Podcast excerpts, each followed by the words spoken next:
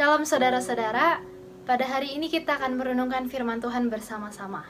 Sebelum itu, mari kita berdoa memohon anugerah Tuhan untuk mempersiapkan hati kita menjadi tanah yang baik untuk mendengarkan firman-Nya. Mari kita berdoa. Tuhan, kami mengucap syukur Tuhan untuk waktu ini. Tuhan kami menyadari betapa dalamnya anugerah yang telah kami terima sebagai manusia yang berdosa. Tuhan, kami rindu ya Tuhan jadi anak-anakmu yang menyenangkan hatimu.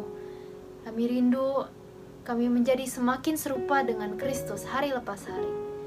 Tuhan kami menyerahkan perenungan hari ini hanya ke dalam tanganmu. Roh Kudus berbicaralah kepada setiap kami secara pribadi.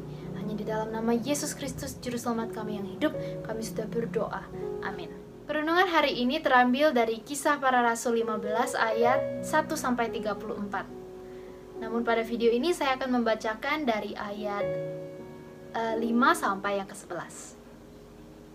Tetapi beberapa orang dari golongan Farisi yang telah menjadi percaya datang dan berkata, Orang-orang bukan Yahudi harus disunat dan diwajibkan untuk menuruti hukum Musa. Maka bersidanglah rasul-rasul dan penatua-penatua untuk membicarakan soal itu.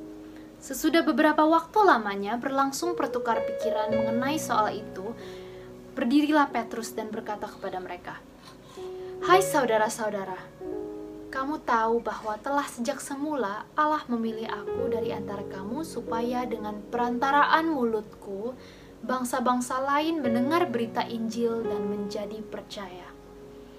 Dan Allah yang mengenal hati manusia telah menyatakan kehendaknya untuk menerima mereka, sebab ia mengaruniakan roh kudus juga kepada mereka sama seperti kepada kita. Dan ia sama sekali tidak mengadakan perbedaan antara kita dengan mereka, sesudah ia menyucikan hati mereka oleh iman. Kalau demikian, mengapa kamu mau mencobai Allah dengan meletakkan pada tengkuk murid-murid itu suatu kuk yang tidak dapat dipikul baik oleh nenek moyang kita maupun oleh kita sendiri. Sebaliknya, kita percaya bahwa oleh kasih karunia Tuhan Yesus Kristus, kita akan beroleh keselamatan sama seperti mereka juga. Demikianlah pembacaan firman Tuhan. Perbedaan apa pun itu, baik adat istiadat, ras, suku, bahasa, warna kulit, dan masih banyak lagi, sering kali dapat menjadi sumber masalah yang menyebabkan perpecahan.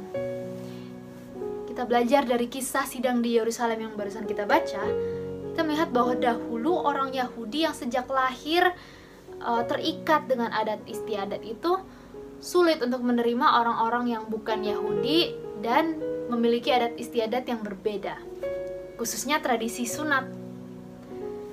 Karena bagi orang Yahudi dulu kalau sudah disunat itu itu menjadi identitas yang uh, membanggakan gitu itu jadi sumber kebanggaan diri mereka gitu jadi ada beberapa orang Yahudi yang menuntut agar semua orang uh, semua jemaat di Antioquia harus disunat maka dari itu Paulus Barnabas dan beberapa anggota jemaat memutuskan untuk mengadakan pertemuan untuk membicarakan soal itu.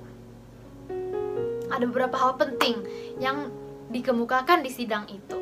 Pertama, Roh Kudus bukan hanya datang bagi orang-orang Yahudi saja, tapi untuk kepada semua orang yang percaya kepadanya.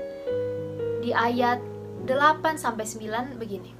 Dan Allah yang mengenal hati manusia telah menyatakan kehendaknya untuk menerima mereka sebab ia mengaruniakan roh kudus juga kepada mereka sama seperti kepada kita. Ia sama sekali tidak mengadakan perbedaan antara kita dengan mereka sesudah ia menyucikan hati mereka oleh iman. Tuhan Yesus mati di atas kayu salib bukan hanya untuk menebus orang-orang tertentu saja, namun untuk semua orang yang mau berbalik kepadanya. Nah, Hal kedua adalah aturan-aturan ini seperti harus disunat dapat jadi batu sandungan bagi orang-orang yang bukan Yahudi yang rindu berbalik kepada Tuhan. Di ayat 19 uh, terdengar begini, ini perkataan Yakobus. Sebab itu aku berpendapat bahwa kita tidak boleh menimbulkan kesulitan bagi mereka dari bangsa-bangsa lain yang berbalik kepada Tuhan. Yakobus itu seperti bilang, hey jangan salah fokus, jangan salah prioritas. Yang terlebih penting itu adalah keselamatan yang Allah anugerahkan kepada setiap umat manusia tanpa terkecuali.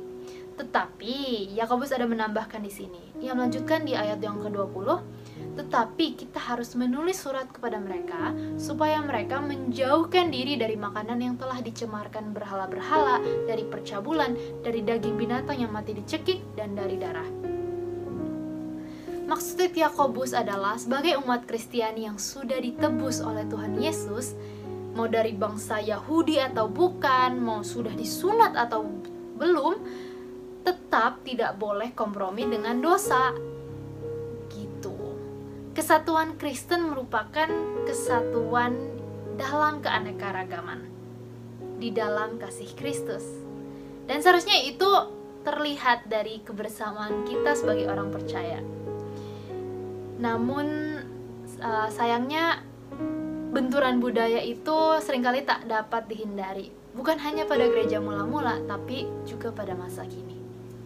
Pertanyaannya adalah, apakah kita dapat mengasihi saudara seiman kita meskipun banyak perbedaan yang ada?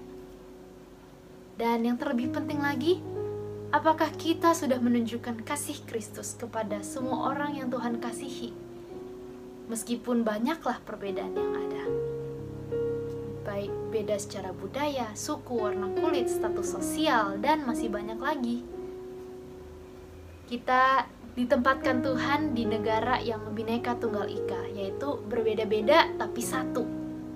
Apakah kita sebagai seorang anak Tuhan sudah sungguh-sungguh menunjukkan kasih Kristus uh, di mana pun kita berada?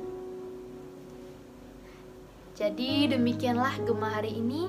Semoga kita semua terus disempurnakan oleh Tuhan dan semakin serupa dengan Tuhan Yesus. Mari kita berdoa. Tuhan, kami mengucap syukur ya Tuhan untuk perundungan Gema hari ini yang mengingatkan kami akan kasih-Mu yang tidak membeda-bedakan. Kasih-Mu yang tersedia bagi setiap pribadi yang ada di dunia ini.